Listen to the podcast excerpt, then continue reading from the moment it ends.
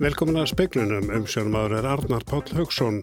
Engaregnir fjölmilar að fá styrkju ríkisjöðu til fréttaflutnings og umfjöldunar um samfélagsmála til loka næsta ás. Mentamálar á þeirra segir fjölmila styrkjast með þessari lagasetningu en þingmenn viðflóksins og pírata fordæmdu fjölmila frumvarfið þegar það varða lögum á alþingi í dag. Um halvur miljardur er eftir af ferðagjöfinni frá því í fyrra. Hann fellur döður niður verði gjöfin ekki nýtt fyrir mánudag í næstu viku. Búra full bólusetja helming fullorðina bandaríkja manna gegn koronaveirunni. Japanir hafa framlengt neyðar ástönd vegna COVID-19 til 20. júni. Ólimpíuleikarnir eiga hefjast í Tókíó 23. júli. Og hópur sem almannavarnir hafa kallað til telur að rétt sé að hefjast að handa við forvarnir frekarinn að breyðast við þegar eldgós er hafið. Alþingi samþýtt í dag lög sem um styrki til handa engareknum fjölmjölum frumvarpi tryggir engareknum fjölmjölum sem vinna og flytja fréttir og fjalla um samfélagsleg málefni styrkja á þessu og næsta ári. Lilja Alfredsdóttir mentamlar á þeirra sagði markmiðið vera að epla engarekna fjölmjöla og styrkja stöðu þeirra til að sinna líðræðislegu hlutverki. Virðulegi forseti, við þurfum að fylgjast náið með þróun mála næstu árin og grípa inn í ef þörf krefur til þess að bæta rekstrar umhverfi fjölmiðla á Íslandi. Ég segi já. Uh, það hefur líka verið erfitt hjá fjórðavaldinu sem að ber að halda uppi uh, gaggrinni og eftirliti með okkur meðal annars hér. Þannig að ég tel að þetta sé uh, nöðsynleg aðgerð. Sagði Bjarki Olsen, þingmaður vinstri græna. Þorstedt Sæmundsson, þingmaður miðflokksins, sagði slæma reynslu af ríkisvæðingu fjölmiðla. Þess vegna er þetta mál að ríkisvæða hluta af frjálsum fjölmiðlum óheila spór. Það hefði verið betra að, að gera hér almennan aðgerðir og hérna, skattalegar til dæmis. Samfylkingin stutti frumvarpið en vildi lægra hámark á styrkjum. Við reysn og pírata sátu hjá. Björn Levi Gunnarsson, þingmaður, lísti óanægu sinni. Þetta frumvarp er ekkert annað en niðurgreiðsla og ósjálfbærum hallarekstri hagsmuni aðilega á málgögnum sínum. Það er ekki styrkur til eblingar á fjölmiðlun. Ég treysti því að fyrir þann tíma beri annað tvekja þeirri ríkistjórn sem nú situr eða þeirri sem tekur við í haust gæfa til þess að leiðrétta þau augljósu rángindi sem er að finna á íslenskum fjölmiðlamarkaði núna. Sagði Pál Magnússon, þingmör sjálfstæðsflokksins. Sigriður Andersen var eini stjórnarliðin sem greiti atkvæði gegn frumvarpinu, þrýr sjálfstæðsmenn sátu hjá. Brynjólur Þór Guðmursson tók saman.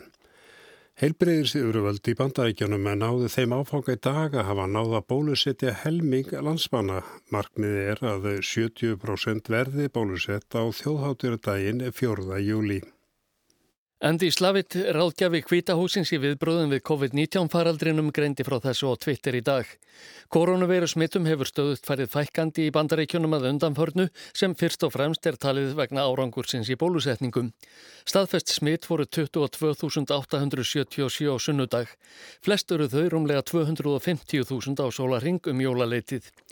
Joe Biden, bandaríkjaforseti, setti sér það markmið þegar hann tók við embætti í janúar að búið yrði að bólusetja 70% landsmanna á þjóðháttíðardaginn 4. júli. Nokkuð hefur dreyið úr bólusetningum að undanförnu. Hins vegar er búið að bólusetja töluverðan fjölda ungmenna með bóluefni Pfizer, BioNTech. Forstjóri Moderna tilkynnti síðan í dag að rannsóknir síndu að bóluefni fyrirtækisins gagnaðist vel ungu fólki á aldrinum 12 til 17 ára. Fyrirtækið hyggst senda matvæla og livjastofnum bandaríkjana og öðrum livjastofnunum niður stuður ansóknarinnar fljótlega eftir mánadamót og óska eftir því að leifi fyrir nótkun bóluefnisins verði gefið út. Áskir Tómasson saði frá. Talsveit færri verða bólusettir í þessari viku en þeir, þeim síðustu eða 13.000 manns strax í næstu viku verða 30.000 manns bólusett. Heilbreyðisráðanetið heldur utanum staðfestar afhendingar áallanir frá bóluefnaframleðendum. Fyrirlikur hversu margir skamtar berast frá Pfizer í júni og Moderna hefur skilaðinn afhendingar áallun fyrir bæði júni og júli. Sömu sögu er ekki að segja af AstraZeneca og Janssen. Engungu er vitað hversu margir skamtar eigi að berast frá þessum bóluefnaframleðendum í þessari viku eða rúmlega 10.000 skamtar frá AstraZeneca og tæplega 3.000 skamtar frá Janssen. Þórólfur Guðnarsson Jónsson, sóþvartanlæknir, segir óvissuna um afhendingu bóluefnana vera óþægilega og gera þeim erfitt fyrir.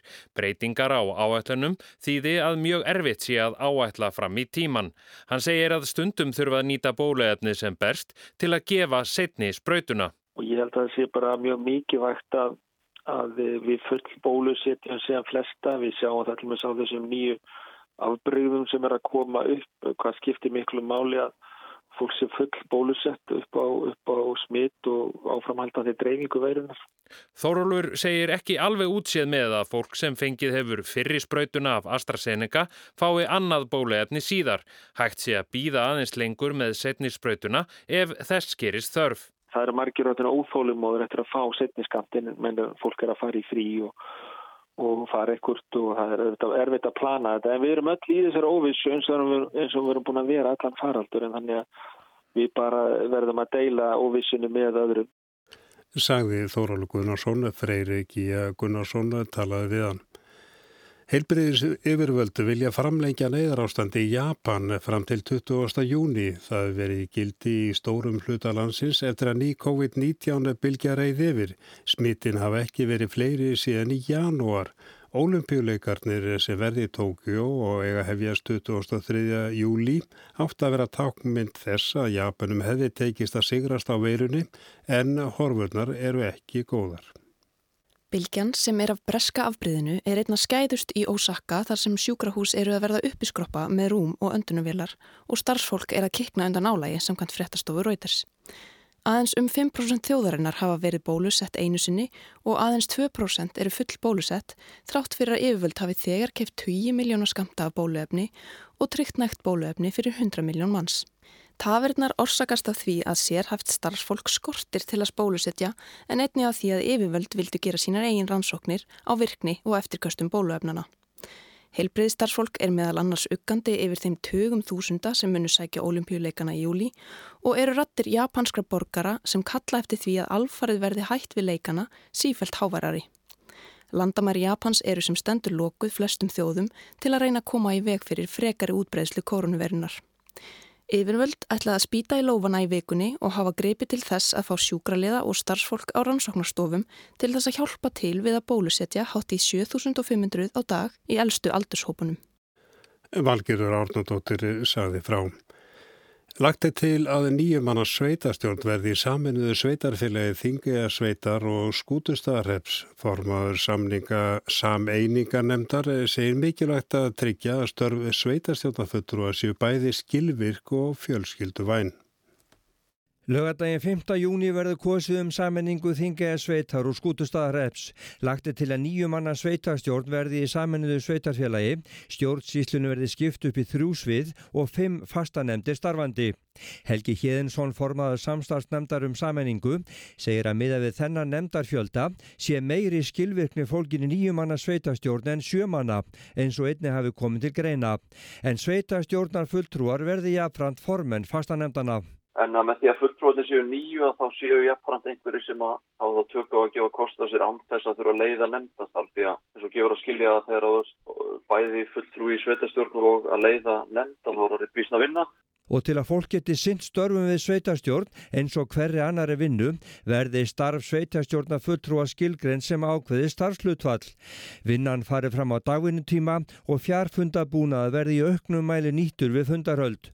Aðegli vekur að hvergi er minnst á hvar sveitastjórn skuli sitja eða svið stjórar og ekkert er rætt um ráðhús á einum stað.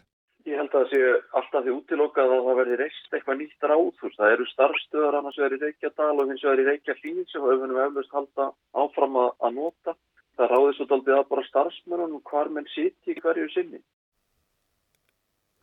Þetta var Helgi Hjeðinsson, Ágúst Ólarsson, talaði við hann.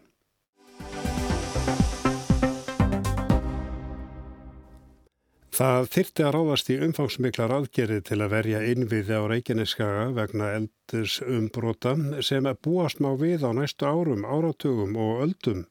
Verja þarf bægi orku veri heita og kaldavaslagnir og háspennulínur. Hópur sem almannavarnir hafa kallað til tilur að rétt sé að hefja forvarnir frekar en að bregðast við þegar eld og gós er hafið. 10. mars hafðu mælst yfir 34.000 jærskjáltar á Reykjaneskaga á tveimur vikum.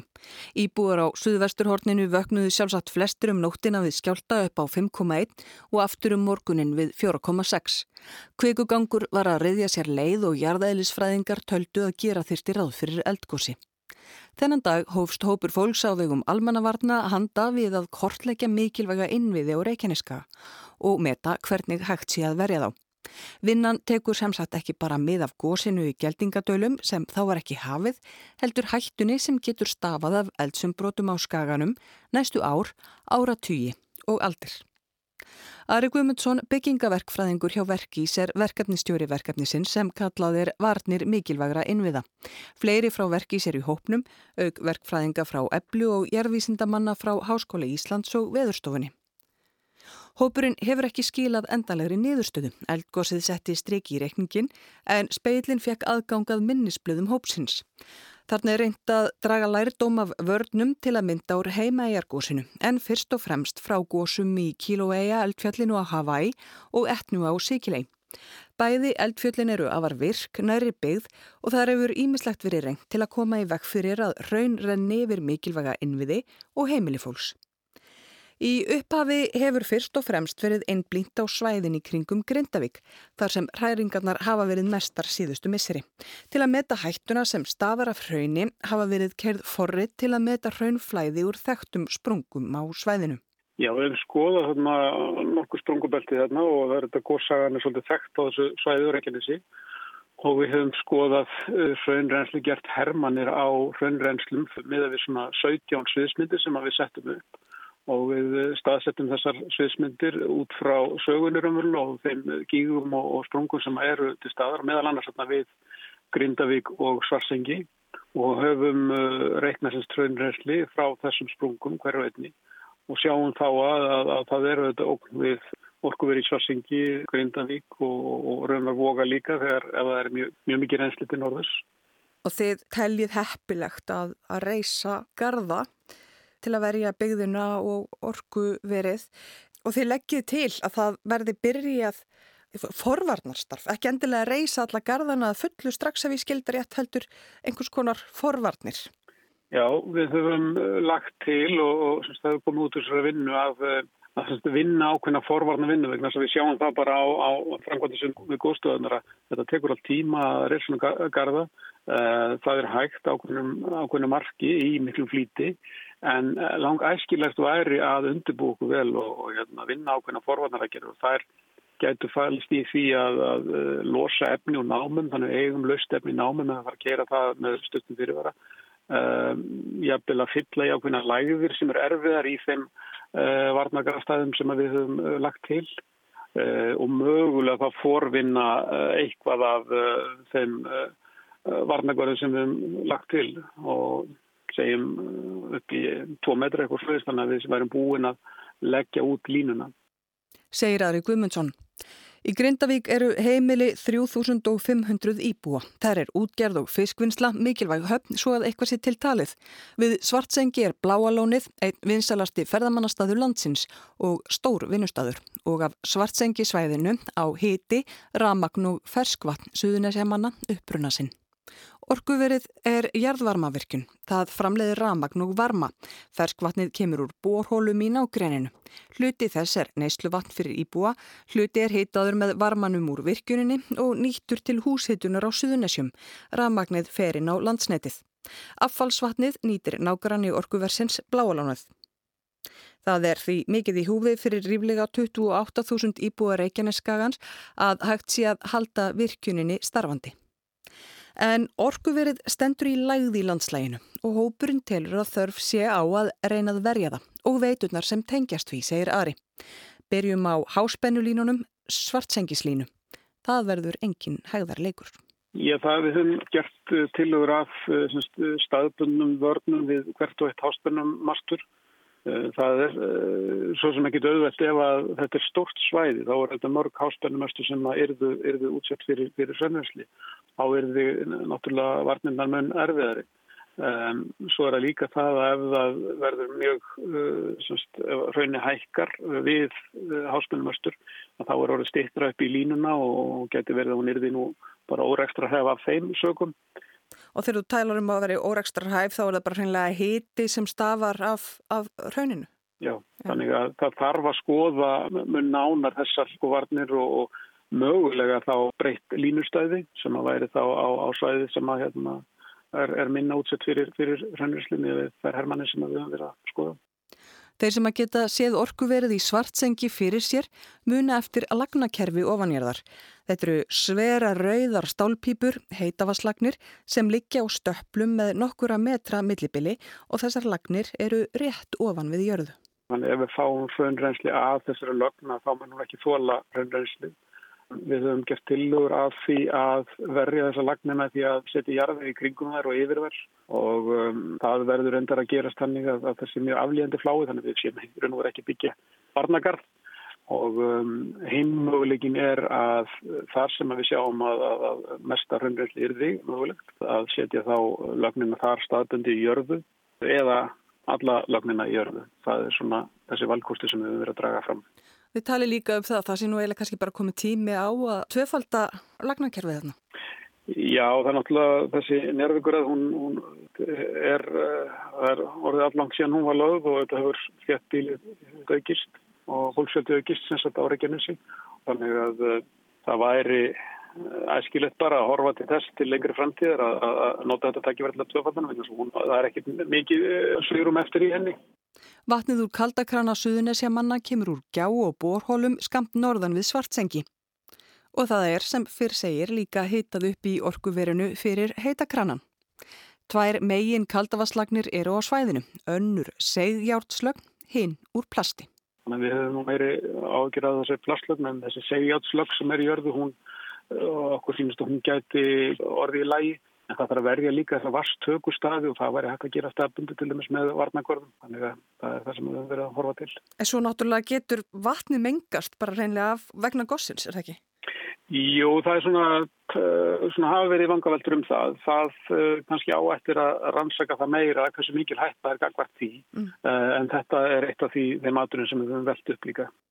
Speilin fjallar áfram um hugmyndir um raunvarnir á Reykjaneskaga, staðsetningu mögulegra varnagarða til að verja Grindavík og Svartsengi og hugmyndir um hvernig heppilegast væri að reysa þá.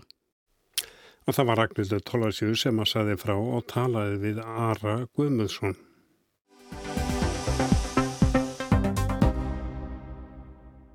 Enn er ónýttur um halvur miljardu króna vegna ferðagjafarinnar sem staði hefur öllum eldri en 18 ára til bóða frá því júni í fyrra.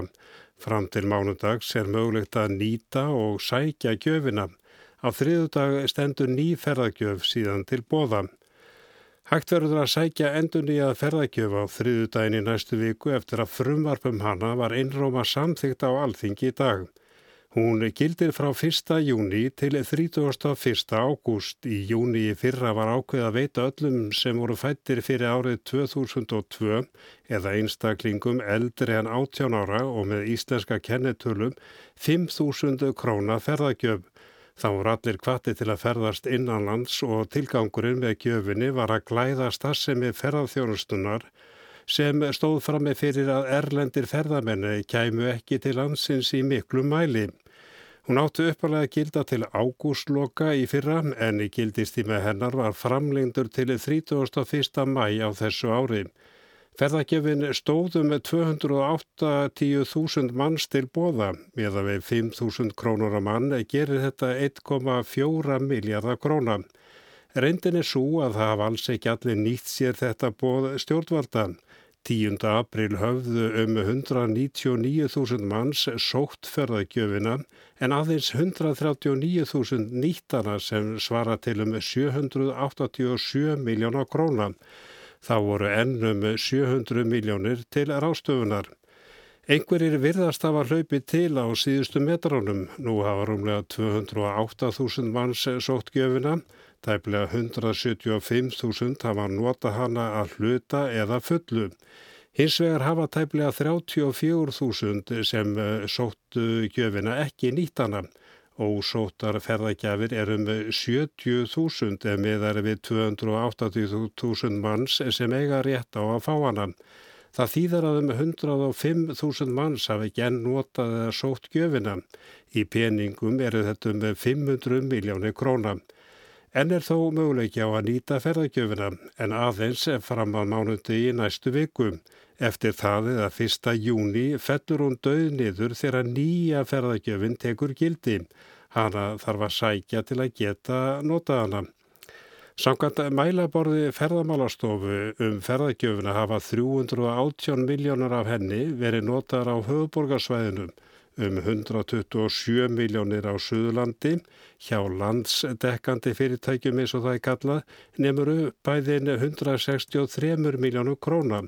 Norðurland Eistra er í þriðasæti með 88 miljónir, myrstuðu farið til vestfjara eða 15 miljónir króna.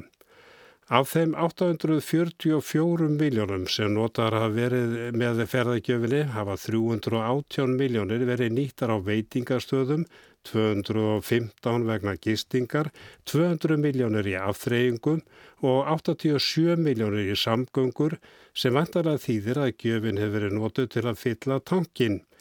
Í mælaborðunum á einni sjá hverju eru í efstu sætonum, þar trónir Flyover Iceland á toppnum með 46 miljónir, næst er Ólis með réttrúmar 30 miljónir og svo enn einn með svipaða uppæð. 29 miljónir unnu til Íslandshótel og Bláalónið hefur fengið 26 miljónir í ferðagjafar peningum og þessum að geta að KFC kjúklingarstaðarinn hefur fengið 24 miljónir í gegnum gjöfina. Þegar að sótturum ferðagjöfnar einfaldast að leiðina hlaða niður ferðagjafar appinu. Persónu vendu hóað eigin frungvaði aðtugun á appinu sem lítur að því hvort það samræmist reglum og lögum um persónu vend. Súransóknið aðtugun er á lokastígin. Það sem meðal hann að senka henni er að ítlaði að treglega hefur gengið að fá svörum tiltekin atriði frá stjórnvöldum. Samkvæmt upplýsingum speilsins bárustu svör í morgun þannig að það ætta að stittast í nýðustöðu. Ekki fæst en ákvæmlega uppgefi hvað það er sem personuvendi er að kannan eins og er að ljósta það snýst um þá upplýsingagjöf sem var krafist þegar sótt var um appið í uppafinn gerðar meðan hann skrafa um aðgangar hljóðnema og myndavel, netfang, fæðingadag og kynni í nótenda. Fyrirtækið ég gerði appið í svari þess við fyrirspurn speginsins kemur fram að appinu hafi verið breyttir að aðtúasendir bárust og að fyrirtækið telji að það uppfyllir nú alla reglur og lögum persónuvend. Einnig segir ég að ekki sé þörfa á frekari breytingu nú þegar hægt verður að sækjum nýja ferðargjöf á þriðudaginn 1. júni.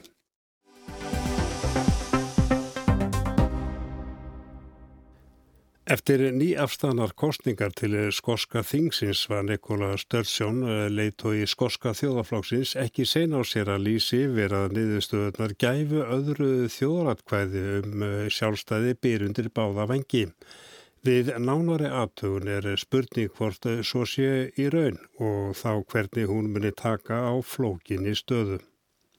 Myndirnar sögðu alla söguna myndir af Alex Salmond, þáverandi leðtoga skorska þjóðaflokksins, í bíl eftir að úrslitin í þjóðratkvæðagreðslunni hösti 2014 um sjálfstæði skota lágu fyrir.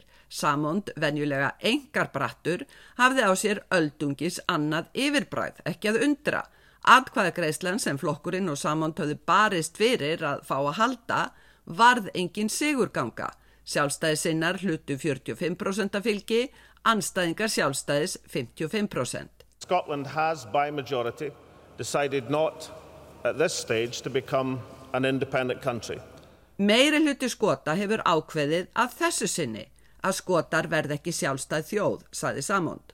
Samond var ekki vanur ósigrið þvert á móti, hann hafði alltaf unnið, verið flokksleiðtu í tvígang, haft í gegna skotar fengju að kjósa um sjálfstæði. Þjóðarátkvæðagreislan átti sér langan aðdraganda tryggilega samtvinnaðan uppgangi skoska þjóðarflokksins. Flokkurinn var stopnaður 1934 þegar tveir skoskir flokkar saminniðust en virtist lengi utan Gars og Ögt Sveitó. Undir fórstu Samons var flokkurinn hægt og bítandi, ráðandi afl í skoskum stjórnmálum. Þegar verkamannaflokkurinn náði völdum í Breitlandi eftir kostingarna 1997 emdan meðal annars kostingaloford um aukna sjálfstjórn skota. Þar með hófst Sigurganga skoska þjóðarflokksins. Þegar fyrst var kosið til skoska þingsins 1999 fekk flokkurinn næst flesta þingmenn á eftir verkamannaflokknum. Þegar komað kostningunum 2007 náði þjóðarflokkurinn að mynda minnilhutastjórn undir stjórn Alex Salmons sem leiti flokkin síðan til full sigurs 2011. Það er kaltæðni örlagana að skosk sjálfstjórn hefur komið verkamannaflokknum í koll. Hann er nú þriðji stæsti flokkurinn í Skotlandi og mun vart aftur ná stjórnatöymum í Breitlandi nema að hann endurheimti verulegan hluta af sínu fyrra skoska fylgi. En aftur að 2014 Sigur reyfur David Cameron þá fórsætsráþara gekk út á hlaðið í dáningsstræti í bítið dæin eftir skoska þjóðaratkvæðið og lísti yfir sigri þeirra sem, eins og hann sjálfur, vildu áfram vera hluti af Breitlandi. Og svo það sem Cameron fann skipta verulegu máli. Now the debate has been settled for a generation, or as Alex Salmond has said, perhaps for a lifetime. So there can be no disputes, no reruns, We have heard the settled will of the Scottish people. Nú er þessari umræðu lokið fyrir komandi kynnslóð eða eins og Alex Salmond myndi segja um lífstíð. Ekki frekari deilur, engin endurtekning. Nú vitu við hver vilji skota er, sæði Cameron. Næstu misserinn einbeitti þjóðaflokkurinn sér að því að stjórna Skotlandi, minna heyrðist af sjálfstæði. Árið 2016 var þjóðaratkvæði í Breitlandi um aðildina að Evrópusambandinu Heil 62% skota kussu áframhaldandi ESB aðild, Bredland í heild feldana. Brexit búðaði verulegar breytingar á högum og stöðu skota, þjóðarflokkurinn barðist árangustlöst gegn Brexit. Um áramótin var Brexit að veruleika, skotar stórlega ósáttir og sjálfstæðismálu því aftur baráttumál í skosku þingkostningunum nú nýlega. Fyrir kostningarnar saði Nikola Sturgeon leðtói í þjóðaflokksins og fyrstir á þeirra skota að inni flokkurinn kostningarnar geti Boris Johnson fórsætsráður að breyta ekki hindrað annað þjóðratkvæði. Fórsætsráðura var ærlega ósamala málið útkljáð 2014. Þjóðarflokkurinn var vissulega sigurvegar í kostningarna bætti við sig einu þingsæti en náð ekki meiri hluta. Sjálfstæðisinnar eru þó í meiri hluta í skoska þinginu með fulltingi græningja sem líka stiðja sjálfstæði. Þráttur að ná ekki meiri hluta talar Sturgeon nú aftur um aðra þjóratkvæðgreðslu en ímislegt flækir stöðuna. Sturgeon náð ekki árangrinum sem átt að verða forsenda annars þjóratkvæðis. Hennar eigið fylgi var heldur minna nú en síðast. Sturgeon verðist líka svo liti rökþróta, hamrar á Brexit-óvissunni en þver tekur fyrir að sjálfstæði stefni skotum og umleið bretum í alveg samskonar óvissu.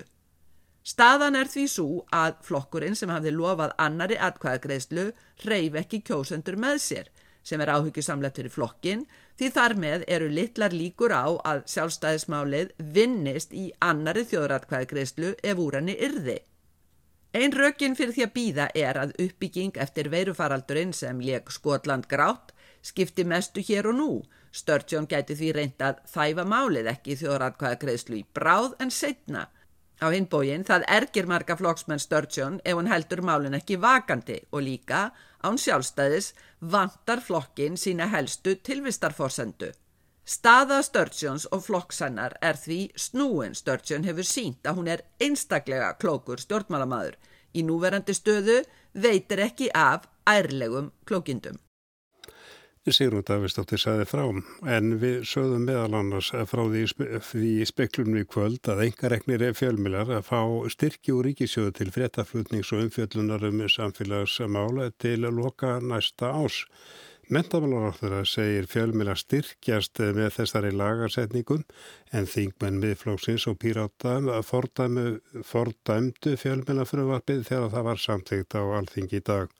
Um halvur miljardur er eftir af ferðagjöfinni frá því fyrra. Hann fellur döður niður veðu göfin ekki nýtt fyrir mánudagin eða á mánudagin í næstu vikum. Búið að fullu bólusetja helminga fullorðina bandaríkjamanna gegn koronavirunni. Japanir hafa framlengt neyðar á stöndu vegna COVID-19 til 20. júni. Ólimpíuleikarnir eiga hefjast í Tókíó 23. júli. En það er ekki fleira í speklinu kvöldi tæknum aður var marka eldreit verið í sæl.